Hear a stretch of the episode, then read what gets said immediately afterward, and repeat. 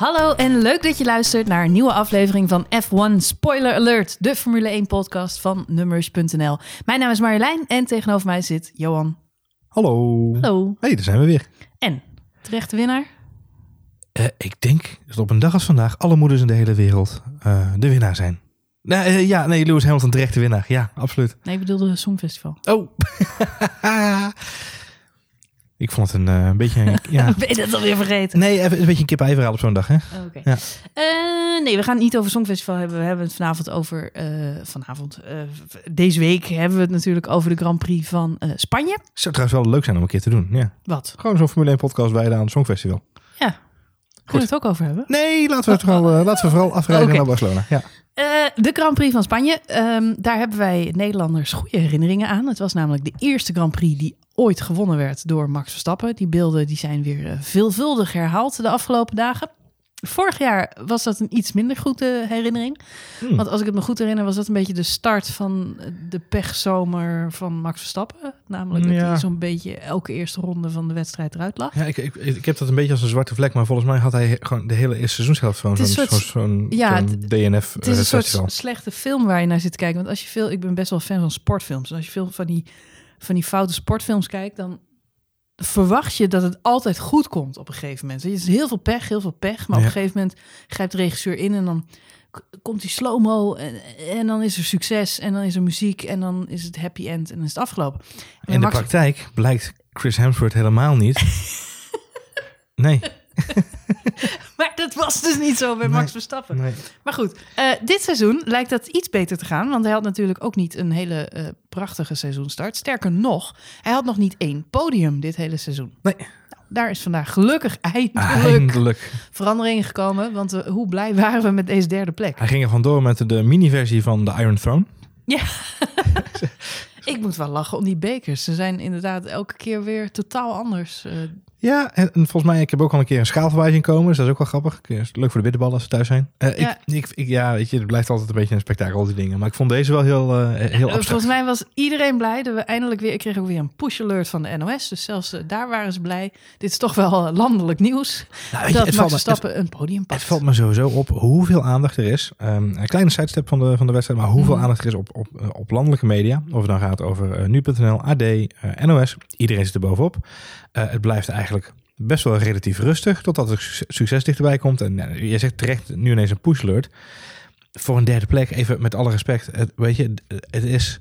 Laten we niet hopen dat we het volgend jaar, als hij bij, of over een paar jaar, als hij bij een echt goed team rijdt, dat we elke week een alert krijgen. Want het, Nou, dat deed de NOS wel een tijd lang. Er was eh, Verstappen vorig jaar met die pechzomer. Was het Mhm. elke race, kan ik me herinneren. Weer niet gefinished, weer niet gefinished. Op een gegeven moment zijn ze gestopt met die push alerts. Omdat het kost te veel geld, ja. Altijd. oh nee, je er niet was voor. gewoon, eh, nou, het was, eh, hij reed op zich prima dit seizoen, maar, maar er waren natuurlijk een paar vervelende situaties. Maar daar kregen we niet elke keer een alert van. Nu een derde plek, eh, ja, het is opzienbarend, maar het is toch weer nieuws. Maar Ja. heeft het niet ook te maken, want dat was mijn gevoel vandaag een beetje, ook Hamilton. Prachtige overwinning Hmm. in, in Hamilton-style, zeg maar. Met Ja, de rest niet, van het niet, veld. Niet de musical, nee. Ja. Nee, maar echt de rest van het veld totaal achter zich latend. Echt, er kwam niemand, niemand aan te pas vandaag.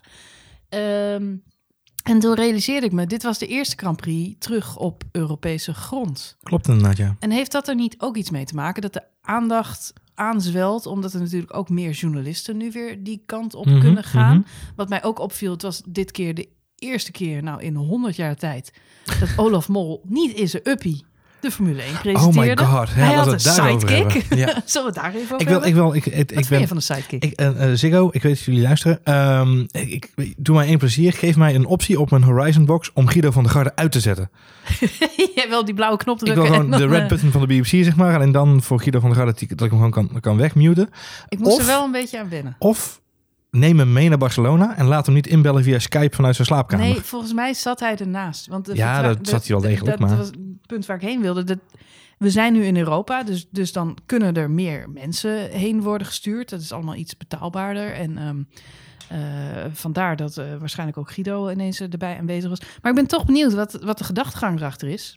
Nou ja, Eh, wat mij heel erg opviel, wat je, wat je meteen hoort. eh, We hebben natuurlijk de afgelopen jaren. Er zijn best wel veel mensen op Twitter die ook af en toe kritisch zijn op Olaf Mols. Of eh, hij ziet het af en toe niet helemaal goed. Of hij ziet dingen pas laat. Hij is niet meer zo scherp als dat hij in zijn jonge jaren misschien ooit was. ah, nou ja. Maar vandaag, als je dan een andere commentator ernaast hoort, dan valt ineens op. Het ambacht van Olaf. Nou ja, Ja. dat is natuurlijk Ja, wel echt. de Jack van Gelder van de Formule 1. Ja, en eh, het is niet voor niks dat mensen voetbal kijken en Radio 1 daarbij aanzetten. Waarom? Hmm. Dat is omdat je de gepassioneerde voetbalcommentator wil horen. En in dit geval, Olaf Mol, die, ja, die heeft gewoon die heeft passie, die heeft die enthousiasme, emotie. En ja, hij ziet dingen laat, maar aan de andere kant, eh, ja, er zit wel heel veel bevlogenheid in. En ik moest heel erg wennen aan Guido van der Garde, die eigenlijk in totaal ander energieniveau zit. Ja, klopt.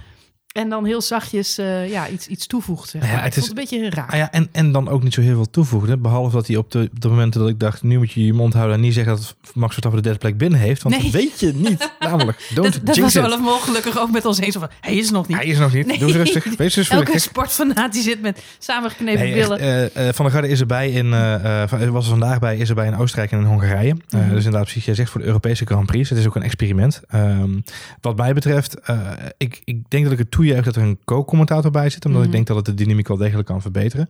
Mhm. Ehm, ook bij Radio 1, eh, je noemt de voetbalwedstrijd als voorbeeld.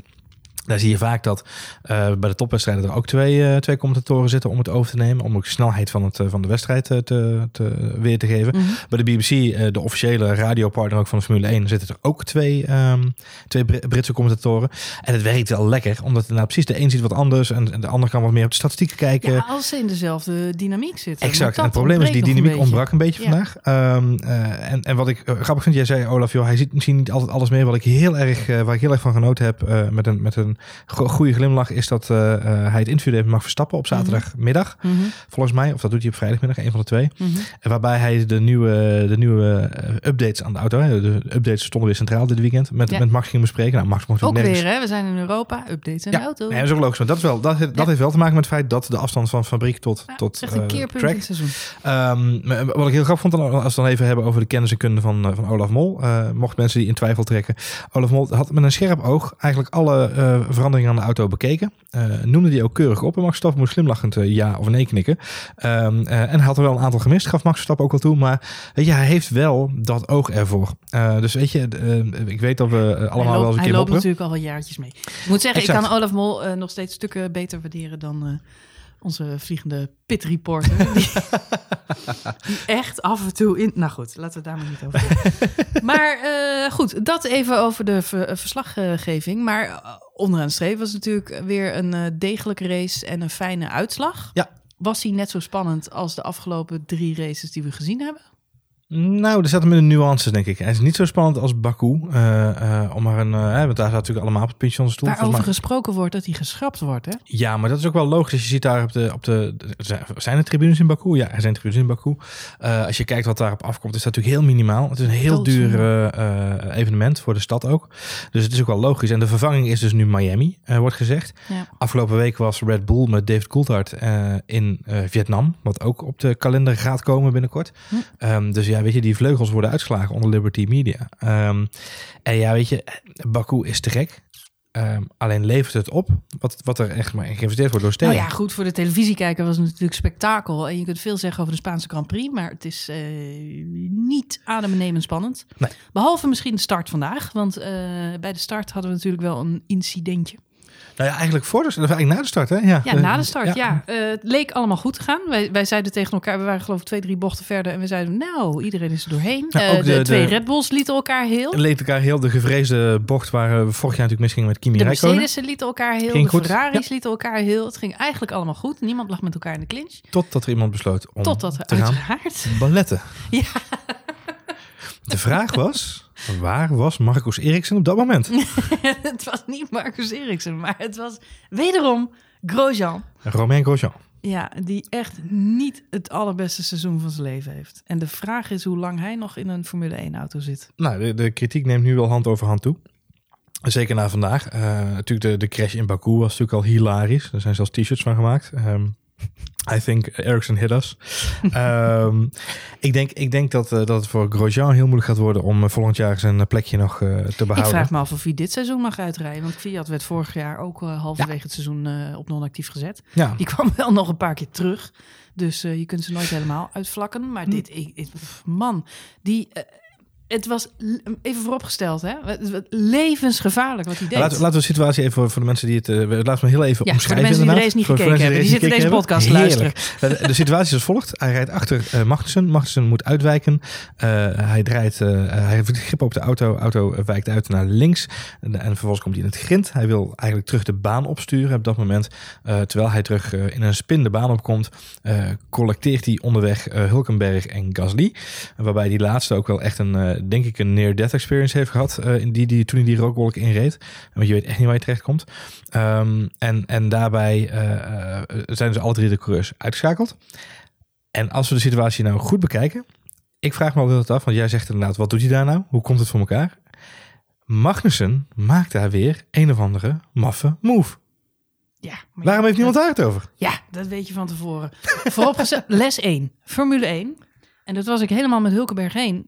Grosjean moet leren om zijn auto op de baan te houden. Stap Eens. 1. Ja. Als je dat al niet kunt, dan behoor je niet in de hoogste regionen van de autosport. Ja. En dat is gewoon wat er aan de hand is. Vorige, eh, vorige race zagen we hem eh, gewoon achter de safety car een stuurfout maken. Terwijl hij zijn banden aan het opwarmen was, rijdt hij zichzelf in de vangrail. Ja. Nou, hier is geen vangrail, maar hier ja, eh, moet hij inderdaad remmen. Verremt hij zich, maakt hij een pirouette. En in plaats van dat hij... Nou, er was geen vangrail, dus hij had gewoon prima, prima in, in het grind kunnen, kunnen Klopt. doorsturen. En iedereen had dat gedaan. Iedereen was gewoon daarnaast. Wat doet hij? Hij stuurt op zo'n... Hij, hij blijft eigenlijk in zijn stuur hangen. Mhm. En geeft daarnaast ook nog eens gas bij. Ja. Waardoor die achterstevoren over de baan... En dit is, jong, dit is vier bochten na de start. Ja. Dus je weet... Het volle veld zit nog achter. Ja, je weet dat er zes, zeven auto's nog achter je rijden. Ja. En eh, ja, goed, wat hij doet, man. Dit is levensgevaarlijk. Nou ik, heb, ik heb crashes gezien waarbij coureurs hun benen verliezen... omdat ze in deze positie Tegen, vol tegen elkaar vol. Ja. ja, eigenlijk tegen het verkeer inkomen tegen te een staan. stilstaand voertuig. Daar ja. hoeft maar iemand overheen te rijden. Eh, eh, die persoon wordt gelanceerd. Nou, levensgevaarlijk. Het was Levens- inderdaad... Dat het goed is gegaan, dat is het beste nieuws van de dag. Dat is absoluut waar. Het feit dat Hulkenberg eh, en name Gasly daar eh, eh, doorheen zijn gekomen, is, is redelijk wonderbaarlijk. Ehm, wat, wat er ehm, het grappige is, of wat, eigenlijk, er zijn twee scenario's die, die mogelijk zijn in deze, in deze fase van, van die bocht waar hij in verkeerde. Eh, Doornbos, Rob Doornbos, zei bij Ziggo na afloop, hij is natuurlijk bang dat hij naar achteren toe de grindbak inglijdt en, en tegen de muur aanknalt. En daarom wil hij zijn auto terugsturen. Als je de, de beelden bekijkt, dan zie je inderdaad dat hij wel de auto probeert uit die slip te halen. Alleen, dat doet hij op dat moment. En eh, hij stuurt de verkeerde kant op. Want hij stuurt tegen in de, de auto in. Terwijl iedereen zegt die verstand heeft van autorace. En ik zal er daar niet één van zijn op het moment. Want ik heb er nooit gespind. Maar eh, meesturen op dat moment is het meest belangrijke.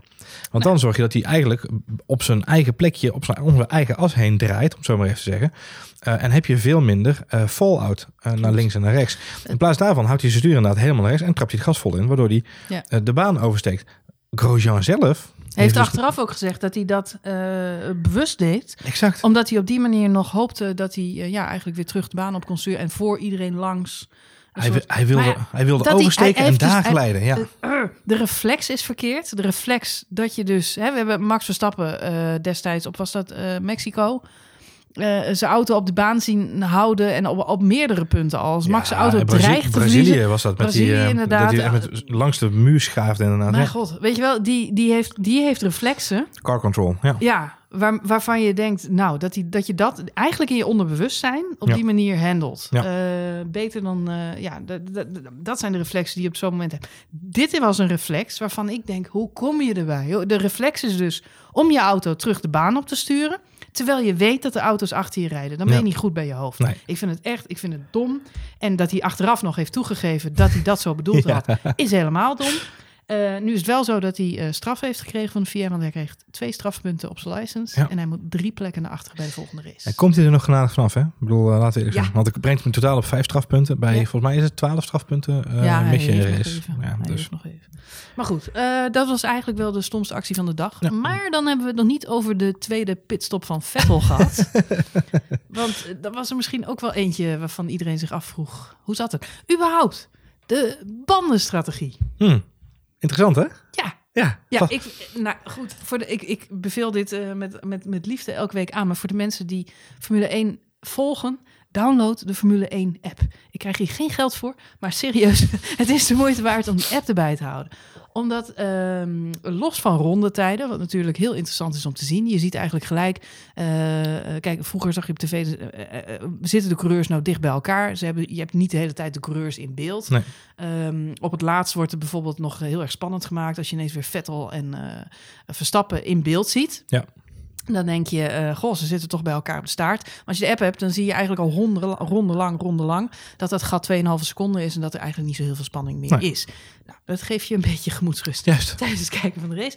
Daarnaast eh, kun je dus heel goed volgen wat de rondetijden zijn en of het zin heeft en, eh, om, om überhaupt iets, iets te proberen. Wat mij, wat mij meteen opviel is dat Hamilton, nou die reed rondetijden, daar kon helemaal niemand aan tippen. Nee. Die was geloof ik in tien ronden, had hij al acht seconden op de rest van het veld. Dat was echt adembenemend. Ja.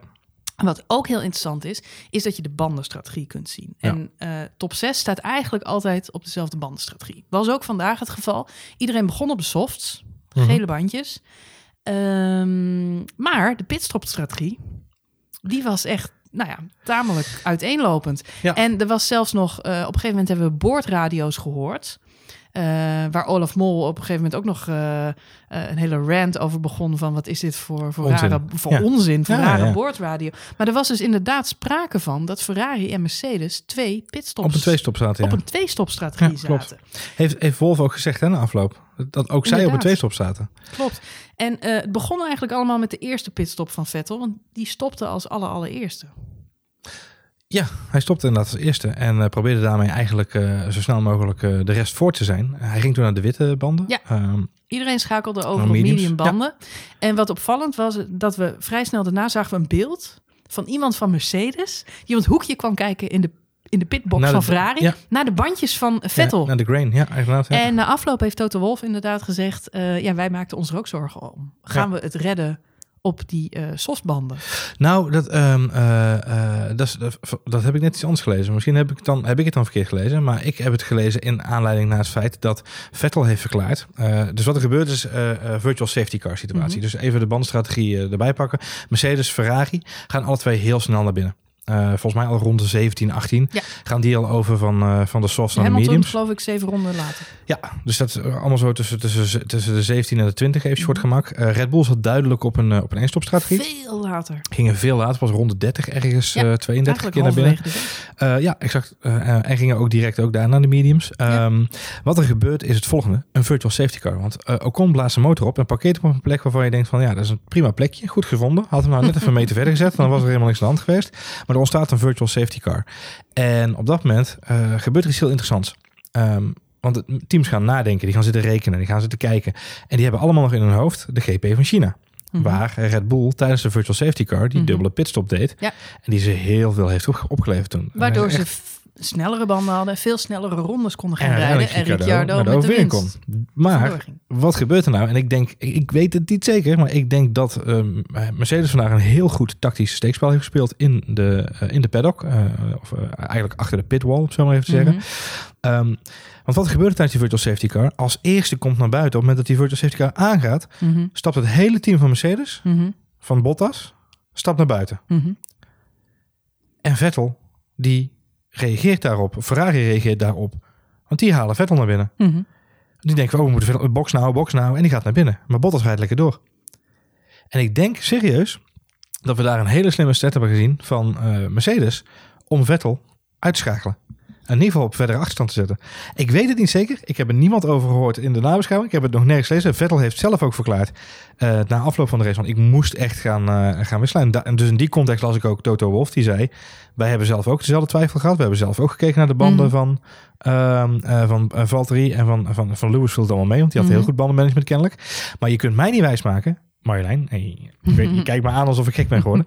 maar je kunt mij niet wijsmaken. Uh, Valtteri Bottas ging vrij snel naar eh, Vettel naar binnen. Laten we even zeggen dat ze ergens tussen 17 en 20 zijn ze gaan, eh 17 en 22 zijn ze gaan wisselen. Mhm. Ehm, je kunt mij niet wijsmaken dat ehm, de banden van Vettel zo aan gort waren. Mhm. En dat Lewis Hamilton pijnloos die race kan uitrijden op die banden. Nou ja, dat, dat is dus de grote vraag. Want Ferrari en Mercedes maakten zich zorgen over de softband. Zijn allebei vrij vroeg in de wedstrijd naar binnen gegaan om over te schakelen op de mediums. Nou, laten, laten we opstaan. Er is de hele week is er eh, gezeur geweest over, het, eh, over het, eh, eh, de banden. Ehm, ze hebben de rode band bij zich, de gele en de witte. mhm, En Pirelli heeft zelfs de banden aangepast voor deze race. En daar is veel te doen over geweest. mhm. Even voor eh, even als in je achterhoofd te houden. Dit gaan ze dus ook doen in Frankrijk en in Oostenrijk, die banden aanpassen. Mhm. Want daar is ook opnieuw geasfalteerd. Vanwege het nieuwe asfalt hebben ze de bandenvermenging hebben ze aangepast. En daar was ook al een hoop gedoe over. Sorry, ik onderbreek. Red Bull presteert het om op diezelfde softbanden, waar iedereen zich zo zorgen om maakte, gewoon tot halverwege de race door te rijden. Ja. Geen centje pijn. Ja, maar ik denk dat het niet zozeer dat het de zorg was, het, het- de slijtage, maar wel de grip die ze hadden. En eh, dat zegt ook iets over de mechanische afstelling van de Red Bull. Daarom is er ook heel veel eh, eh, positieve energie voor Monaco. Mhm. Waar natuurlijk veel minder gaat over, over motorische snelheid. En veel meer over de, de, de afstelling van de auto. De mechanische Mhm. afstelling en de aerodynamica. En bij Red Bull hebben ze dat gewoon net iets beter op orde op dit moment. Ze hebben niet zozeer een snellere auto, maar gewoon een beter ingestelde auto. Dat is precies mijn punt. Ja. En dat is ook waarmee Ricciardo toen de race heeft gewonnen. En dat is ook waarmee ze vandaag feitelijk een podiumplek binnenhalen. Kijk, we zullen nooit zeker weten of Vettel of het een domme tactische zet was. Of dat het echt noodzakelijk was. Go- Vettel, Of een goede dummy van Mercedes, ja. Ja, of een goede dummy van Mercedes. Eh, Vettel heeft na afloop gezegd dat hij naar binnen moest. En dat het niet haalbaar was geweest om op deze banden door te rijden. Hij kon niet anders. Eh, echter, daarna had hij ook niet de snelheid waarop hij gehoopt had om Max Verstappen in te halen. Daar heeft hij wel heel erg van gebaald, want hij had het idee Ja. dat hij sneller zou zijn. Max die reed ook nog een stuk van zijn voorvleugel af. Ja. Eh, waarvan eh, ook heel Nederland weer in de stress lag. Maar dat bleek gelukkig allemaal mee te vallen. Vond ik trouwens heel mooi dat Max na afloop heeft gezegd... Het was een kwestie van een paar knoppen in mijn stuur indrukken. Ik moest een Ja. beetje, want hij had eh, in twee bochten kreeg hij een beetje last. Hij had Ja. minder eh, eh, downforce. Maar dat kon hij via zijn dashboard eigenlijk allemaal oplossen. Hij moest een paar settings aanpassen. En, vind het prachtig. Ik bedoel, dat is ook mooi om te horen. Hè? Zo zie je maar weer, Red Bull hoef je niet eens vleugels te geven. Heb je niet eens nodig. Red Bull kan zonder vleugels. dat is het eigenlijk. Slechte slogan. Nee, maar overal, en dit- dat is eigenlijk de, de bottom line van waar ik heen wil, is dat Red Bull heeft zijn shit wel op orde. Ondanks dat we eh, geen race gewonnen hebben, vind ik het toch eh, goed om te zien. Oh, China, ja. Ja, nou, nee, nou, nee, ik bedoel deze race, Hmm. dat we deze race niet winnen. En tuurlijk, Hamilton is oppermachtig. Hij rijdt een dijk van een wedstrijd. En iedereen vraagt waar hij het vandaan haalt. Want hij is ook gewoon weer eh, x seconden sneller dan Bottas. Ja. Ehm, Vettel komt het niet aan te pas. Waarschijnlijk zat hij nog in de tijdzone van New York, waar die hele week was. Maar goed. ja, overigens eh, liet deze race ook wel goed zien dat ja, je kunt ook gewoon een off-day hebben. Hmm. Daniel Ricciardo had niet een hele sterke race. Nee, en eh, eh, het grappige was, eh, ehm, de meeste mensen hebben dat niet eens gezien. want Hij is ineens, nog gespind. juist ineens was Daniel Ricciardo op eh, 50 seconden achterstand Ja, van het zal ongeveer hetzelfde moment zijn geweest dat Verstappen zijn zijn vleugel of net iets daarna. Want Max reed zijn eh, vleugel eh, stuk. Ja. En eh, vrij snel daarna is Ricciardo ergens van de baan geschoten. Ja, wij, zaten elkaar, wij zaten elkaar aan te kijken en Ricciardo begon de ene naar de andere eh ja, hij zet snelste allemaal snelste tijd. rondetijden neer. En we zaten te kijken van moeten we daar nog zorgen. Maar die lag 40 seconden achter op Ja. de rest van het veld. Dus dat Ja, was die- een heel raar verhaal. Die is ergens, eh, eh, volgens mij ook net na de safety car, dus op hetzelfde moment zo'n beetje, Mhm. eh, gaf hij zelf aan in het interview achteraf. Eh virtual safety car ging uit, dus hij kreeg de go om te gaan. Hij had ineens de koude banden, dus eh, hij gaf vol gas, eh, ja, volle gas gaan en eh, eh, verloor ook de controle over de auto. Maar goed, hij deed geen handje en hij draaide gewoon even een rondje, ging even langs de supermarkt Mhm. en draaide toen weer de baan op. Het is goed dat hij hem wel op de baan heeft gehouden. Maar toch wel een verhaal van slecht bandenmanagement. Dus bandjes waren niet zo warm.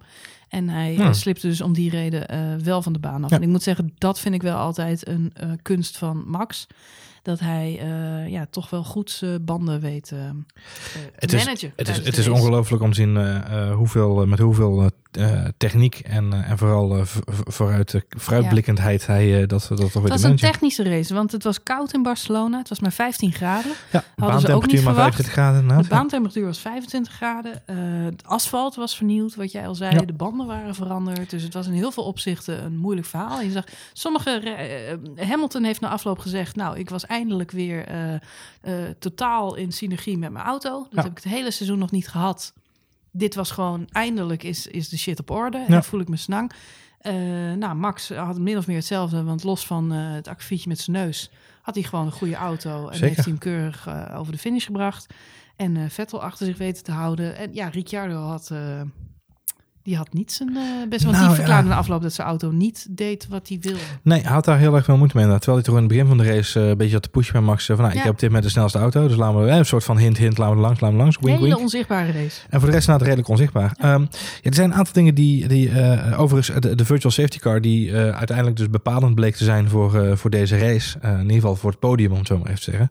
Eh, voor die derde plek, want die, al- die eerste twee waren eigenlijk al een beetje in steen geschreven.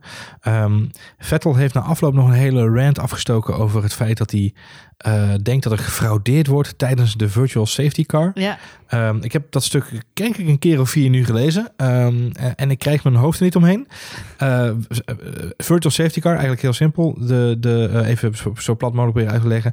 Eh, de coureurs moeten terug naar een delta. dus de rondetijd moet met 40% verhoogd worden. Uh, De trajectcontrole.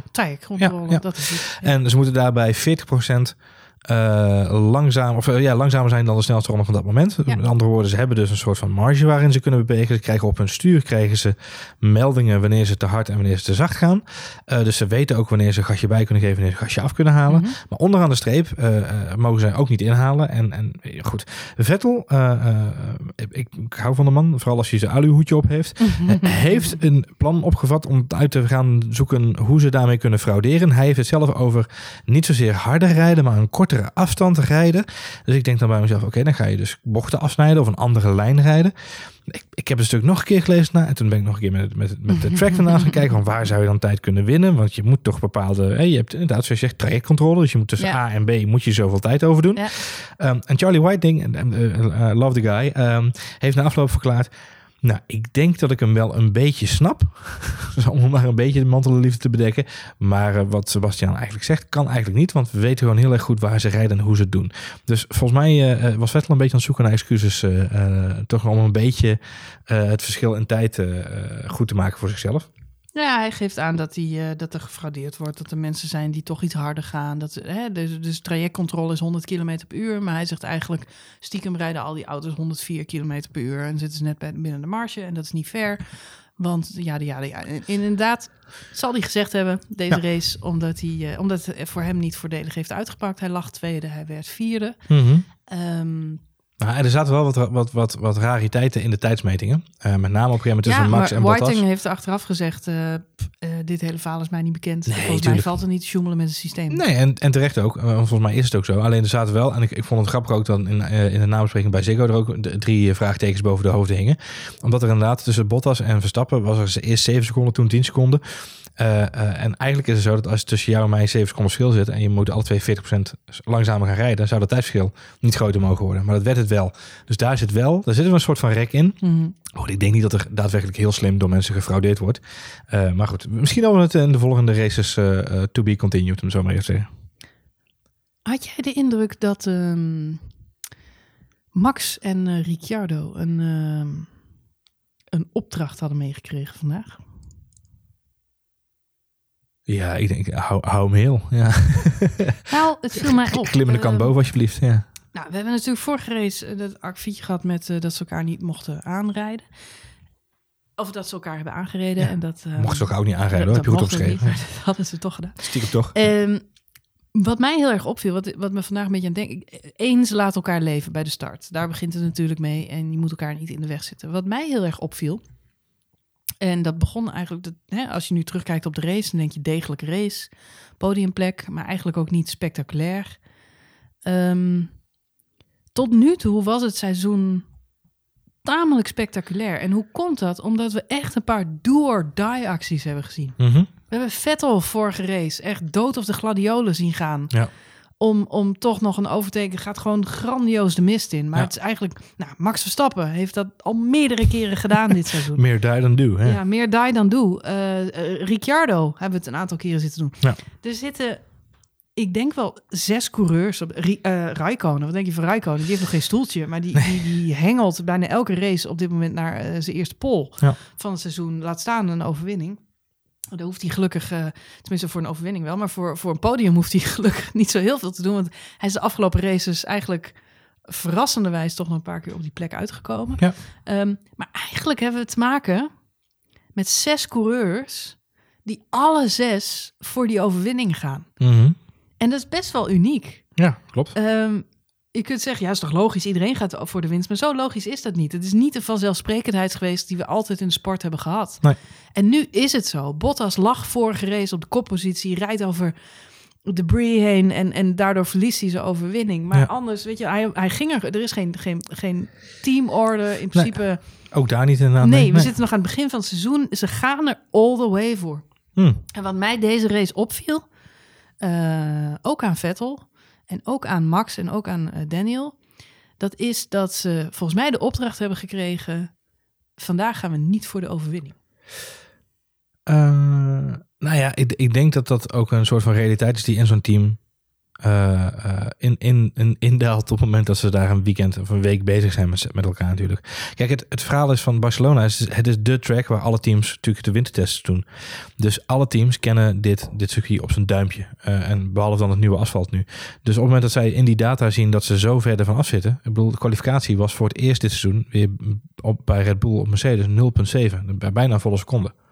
Dat is, dat is voor het eerst dit seizoen weer. Dus zij weten ook wel bij Red Bull dat ze, jongens, weet je, we moeten het niet gaan forceren. En ik denk dat dat, dat hetgene is wat we op een gegeven moment wel een beetje nou, dat, de gedachte dat, wordt. dat is niet helemaal wat ik bedoel. Wat ik, wat ik, wat ik echt, ik kreeg echt de indruk.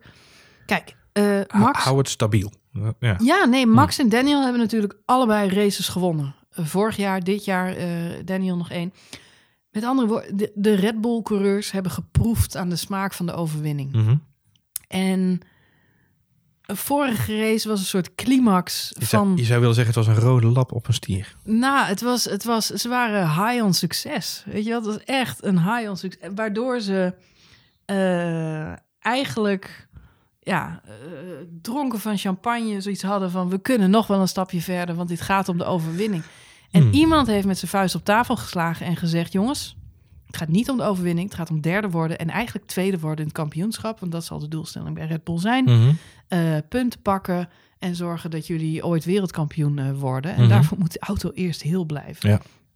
En op dit moment hebben we nog niet de snelheid om eh, een Hamilton in een één op één gevecht van de baan te rijden. Hm. Maar we hebben wel de tactiek in huis. En waar, waar we het net over hadden, de, de, de bandenstrategie. Die al een keer eerder heel goed heeft uitgepakt. Want Ja. ik vind Red Bull misschien wel strategisch het sterkste team van dit seizoen tot nu toe. Ja. Alleen dat Ja. wordt om zeep geholpen door twee, nou ja, enorm gedreven, talentvolle coureurs. Die gewoon zoiets hebben, op de baan moet het gebeuren. Weet Hmm. je, als ik het nu niet inhaal, dan lukt het niet.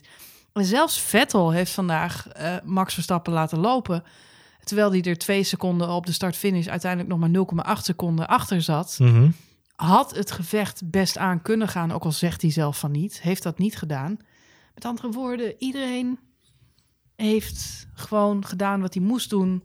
Zonder Ja. al te gekke dingen. Na afloop werd Max de vraag gesteld: had je Bottas kunnen pakken? Nee, nee, ik denk het niet. Die lag vijf seconden voor. Terwijl hij het gat wel degelijk aan dichtrijden was. Ja, nou ja, het, verhaal was een beetje, het ging een beetje met ups en downs. Je ziet dat ik op de app eh, eh, eh, beter dan nog dan, dan, dan misschien de mensen op tv dat direct zien. Maar je ziet natuurlijk dat het gat elke keer op en neer ging. En het ging van, van 10 seconden naar 7 seconden, weer terug naar 10 seconden, naar 7 seconden.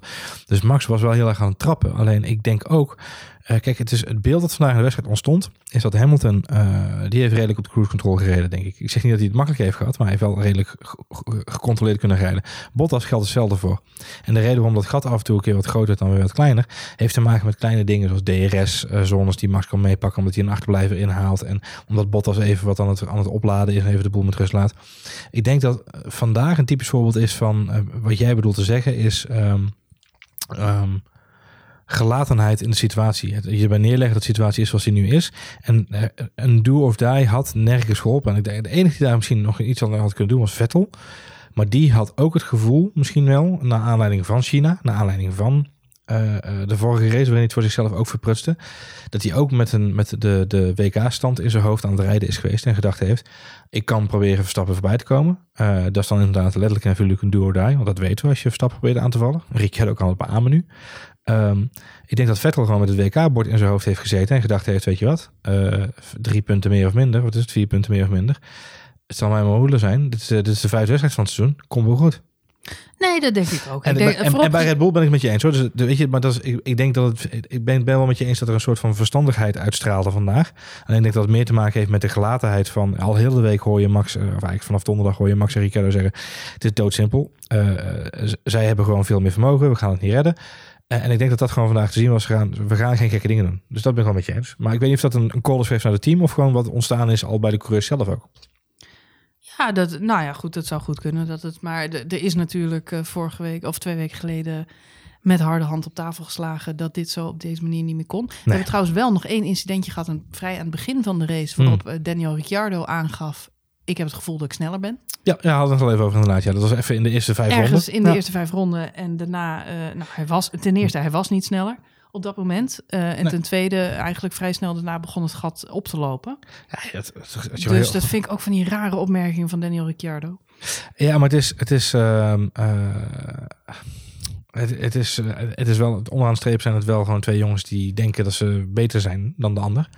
Eh, en ik denk dat op het moment dat, dat weet je, eh, hij zegt ik denk dat ik sneller ben, Max ziet dat gat kleiner worden en denkt nou dan ga ik er even een trapje bij geven. Ja. Want de reden omdat Max hem überhaupt vandaag in de buurt had was vanwege zijn bandenmanagement. Ja. Het was wel ook aan de boordradio, vond ik te horen hoor. Vanuit. We hebben het vorige race natuurlijk uitgebreid over gehad. Eens.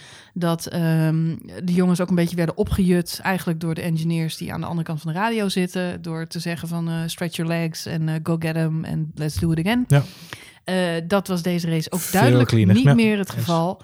Eh, het was heel erg sturend op zelfvertrouwen. En ook toen Max die schade had, werd er gezegd van... Nou, als jij een goed gevoel bij hebt, mag je gewoon doorrijden. Ja. En het was, het was allemaal heel lief en Ja, rustig. ook heel veel inderdaad, en blijf kalm, er is nog lange weg gaan. kalm et cetera. en et cetera. Ja. Dus in alle opzichten was dit een totaal andere race dan de vorige. Waar ik toch echt het gevoel had dat iedereen on fire was en, en eh, verhit. En we moeten voor die winst gaan. Ik heb echt het gevoel dat er binnen dat team niet alleen naar de coureurs, maar ook naar de engineers toe is uitgesproken. hey, jongens, F dimmen. Hm. Wij gaan op tactiek een goed seizoen neerzetten. We gaan in principe voor podiumplekken eh, derde, vierde, vijfde plek. Dus het hoogst haalbare. We moeten het hebben van, eh, van, van de fouten eigenlijk die ze bij Mercedes en eh, Ferrari maken. Ja. Ehm, nou ja, en, en tot die tijd geen gekke acties. Dus, dus de degelijkheid is een beetje terug in, in, in, in de sport. Eens? Dat is ergens wel een beetje jammer. Nou ja, nee, het is, het is een eh, berekendheid voor deze keer. En ik denk dat het, het volgende, week is, of, eh, de volgende keer is Monaco, niet volgende week, maar over is Monaco. En dat is weer een heel ander spel.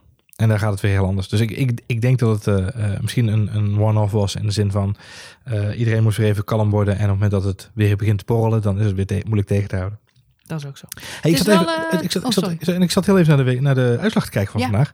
Ehm, wat mij opvalt, ik tel eh, eh, vier, ehm, vier Renaults in de top 10. Dat is toch knap. Dat is knap, Ja, zeker. voor zo'n auto die, eh, die dan toch onderaan de streep eh, niet zoveel waard is, eh, volgens sommige mensen qua motor. Ehm, ik, ik zit even snel te kijken. Ik stel vier, vier, eh, ehm, vier Renaults en dan zie ik drie Ferraris. En dan blijven er drie Mercedes over. Nou, Dat is toch best, eh, best wel... eh, knappe prestatie. Ja, maar het geeft ook aan hoe het eh, gedomineerd wordt door eigenlijk drie leveranciers op dit moment in die top. Dat is absoluut. Als je ziet, Kevin Magnussen, we bedoel, het is een pannenkoek eerste klas, maar hij staat toch weer zesde vandaag. Ja, Ehm, absoluut. Charles, Charles Leclerc, laten we daar nog even over hebben, onze debutant. Weer in de punten vandaag. Ja, dat doet hij goed. In een auto die vorig jaar constant met uh, Wehrlein toen nog achter het stuur, achter de feiten aanreed. Ja, er werd voor de race ook gezegd, geloof ik, door Robert Doornbos of eh Coronel, dat eh, dit wel echt een talent is eh, om in de gaten te houden. Zeker, ja. Overigens, de andere talenten die we in de gaten moeten houden, daar gaat het niet zo heel erg best mee. Want Stoffel van Doornen vandaag weer niet gefinished. Ocon vandaag niet gefinished. En Gasly, nou dat is natuurlijk een, een pechgevalletje. Zo simpel is het ook. Maar eventjes, als je het hebt over wat is er terug van wat we van vorig jaar nog kennen. De hele top 6 staat op een ronde. En zelfs de top 7 staat, sorry, de top 9 staat op twee rondes. Ja, dat is eh, niet verbazingwekkend. Zeker niet op zo'n snel circuit als Barcelona natuurlijk. Het is, eh, het is eh, vanaf Magnussen naar beneden staat iedereen op één of twee rondes. Dat is echt absurd. Maar wat je zelf al aangeeft, Monaco komt eraan. En dat is altijd totaal andere koek. Zeker. Want daar moet je toch ook van de ervaring hebben. En we hebben een hoop debutanten dit jaar. True. En eh, ja, we hebben natuurlijk Max in zijn allereerste Monaco ook keihard in de vangrail zien hangen. En zijn tweede ook. Dus dat, eh, ja. Ja, dus eh, Monaco is zeker voor de nieuwkomers niet fijn. Ik denk dat eh Grosjean niet eens hoeft te starten. Want Nou, laat- Daar is niet, echt geen ruimte voor pirouetjes. laten we niet vergeten dat we vorig jaar dat Jensen Button hadden die daar nog eh, over de kop hing eh, tegen de, tegen de Van Kun je dat nog herinneren? Dat was inderdaad ook een eh, tamelijke... Maar dit jaar is Alonso Ervaring er gewoon genoeg. bij, toch? Zeg je? Dit jaar is Alonso er toch Ja, zeker, bij. ja, want zeker. hij is wel weer bezig, hè? Met eh, Ja, hij heeft zijn eerste en- en- endurance race alweer gehad. zes natuurlijk. uur van, Van Spa. Spa. Ja, Ja. ja. Overigens eh, eh, eh, opvallend hoeveel eh oud-Formule 1 coureurs daar gaan rondrijden. Maar leuk, leuk om te zien dat hij daar, dat hij daar zo mee Hij bezig is is. wel heel actief daarmee. En nu ook weer gewoon achtste hè, vandaag. Ik Ja, bedoel, de- Alonso rijdt een prima seizoen. In elk geval beter seizoen dan vorig jaar. hij rijdt elke wedstrijd de beste wedstrijd uit zijn carrière. Dus als dat zo doorgaat. En, en even serieus, maar met kwalificaties altijd beter dan Stoffel van Doorn. Hè? En niet één plek, twee plek, maar vaak acht plekken. Nou, ik blijf het gewoon lastig vinden om iemand die Stoffel heet en in een Formule 1 werkt. Ik vind, ik vind het zo'n sympathieke gast. Ja, maar zeker. het- Nee, als je elke keer eruit wordt gereden door Fernando Alonso, wat natuurlijk wel een oud wereldkampioen is, maar die man is inmiddels ook 6, 37. Je, zou moeten kunnen aanhaken. Nou ja, kijk, het, het feit is dat het, eh, eh, vorig jaar zou je nog kunnen zeggen debutant, eh, lastig, moeilijk, Mm. lastige auto, misschien moeilijk instellen, et cetera. Maar je ziet toch, het team geeft hem alle ruimte om er iets mee te doen. En komt er niet uit. En hetzelfde geldt Nee. voor, eh, voor Grosjean. Ik bedoel, Haas heeft echt wel geïnvesteerd in die samenwerking met Ferrari, in die samenwerking met, met andere partners om te zorgen dat die auto tip-top is. Nou, Magnussen is, ja, wat ik al zeg, ik vind, het- ik vind het de pannenkoek eerste klas, maar hij staat toch gewoon weer zesde vandaag. En hij maakt Mhm. toch weer een, een goede race. Ehm, eh, onderaan de streep weet hij toch elke keer die auto naar een, weer in de punten te rijden. En Ja. Grosjean lukt dat gewoon nu al twee, drie races op rij niet. Ja, dat, op een gegeven moment gaat het zich toch wreken. Eh, Monaco is toch altijd weer spannend, want het is een prestigieuze rij- eh, race om te winnen voor de coureurs. Het is Zeker. voor eh, veel coureurs ook thuis Grand Prix. Ook Max Verstappen woont in Monaco. Ehm, dus enerzijds is het bekend terrein. Er is ook altijd familie en vrienden en iedereen over de vloer. eh, Heel gezellig. En aan de andere kant lijkt me dat daar dan toch ook echt een extra druk op zit. Ja joh. Eh, met name omdat het een van de mooiste of een van de meest prestigieuze races is om te winnen. Dus wellicht dat we dan toch die spanning weer een beetje terug zien komen en meer foutjes en eh, hopelijk een onverwachte uitslag. Zou leuk zijn. Het zou leuk zijn Och. hier niet Hamilton en Justin Bieber bij de prins op Oh het bordes god, dat was vorig jaar inderdaad, ja. ja. Nee, laat, weet je, laten we opstellen, Hamilton vandaag, en als hij dat vol blijft houden, ja, dan is daar geen steek tussen te krijgen. Nee, Ongelooflijk. Eh, gewoon goed gereden. Nee, ja, laten we het hopen. Want ik- laten we sowieso hopen dat Justin Bieber er niet is. Gewoon voor, voor iedereen's welzijn. misschien heeft hij wel die songfestivalzanger uit eh, Zweden meegenomen. Nee, ze lookalike, ja. Dus het antwoord op Justin Bieber. Goed. Tot zover deze aflevering van Spoiler Alert. Eh, over twee weken dan zijn we er uiteraard weer. Dan met de Grand Prix van Monaco. Ja, moet nog opschieten ook. Want? Ik kom pas die, die, die... Ik hoop dat ik hem kan zien. Ja, jij, jij, jij, hebt een andere sportevenement. Ja, ga ik niks over zeggen. Je gaat Ja, er niks joh. over Nee, zeggen? Nee, ik, ik, ga, ik ga naar Kiev. Champions League finale. Ja, dat. Voetbal, mensen. Sorry, het spijt me. Wauw, Ja, wel zin in. Kiev. Moet ik, een, eh, moet ik het telefoonnummer van Ronaldo voor je? Ronaldo? Ja? Nee? Nee? Oh, nee, alsjeblieft. Nee, goed zo. Oké. Als, als Arjen Robben nou nog meespeelde, die wil ik wel een keer interviewen. Oh, leuk. Nou, Maar eh, die is helaas niet door naar de finale. die kan ook heel slecht Formule 1 racen, kan ik je vertellen. Eh, want? Heeft hij dat ooit gedaan? Nee, precies daarom. Verwarrende discussie dit. Goed, over twee weken zijn we er weer met eh, de Grand Prix van Monaco. Al dan niet met Johan Voets, die bij de Champions League finale aanwezig is in datzelfde weekend. Eh, mocht hij de Grand Prix niet gezien hebben, dan ga ik eh, met iemand anders de podcast opnemen. Mocht hij Kiev niet uitkomen. Ja, mocht hij nee. Kiev niet uitkomen. Mocht dat wel lukken, dan hoor je ons gewoon weer over twee weken. In de tussentijd, volgende week, zijn natuurlijk de racedagen op Zandvoort. Yes, Waar wij eh, zelf ook eh, heen gaan, want we wonen eh, om de hoek. Dus waarom zou je niet gaan? exact. En Max Verstappen die gaat daar ja, twee dagen lang clinics, of hoe noem je dat? Demonstraties. Demonstraties geven. geven, ja. Demonstraties. En een caravan race. En Daniel Ricciardo komt ook. En David Coulthard komt ook. Yes. Ze hebben Hoe extra ruimte ingereserveerd voor zijn kaak. Gaat helemaal goed komen. Dus laten we hopen op mooi weer. En alle mensen die daar ook heen gaan, heel graag tot dan. En eh, ja, ons hoor je in de podcast dan over twee weken weer. Heel erg bedankt voor het luisteren. Vergeet je niet te abonneren. En mocht je willen reageren, dan kan dat altijd via Twitter naar Marjolein. of Johan Voets. Dank voor het luisteren en tot de volgende F1 Spoiler Alert.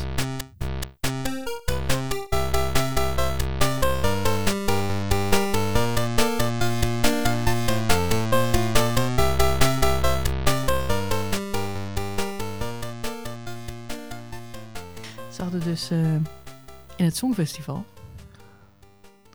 overal een antwoord op. Duitsland had een antwoord op Ed Sheeran. Ja, Cyprus had een antwoord op Beyoncé. ja. Zweden had een antwoord op Justin Bieber. Oké. Ik weet niet waar Welen het antwoord op was. Het antwoord op je vraag is nee.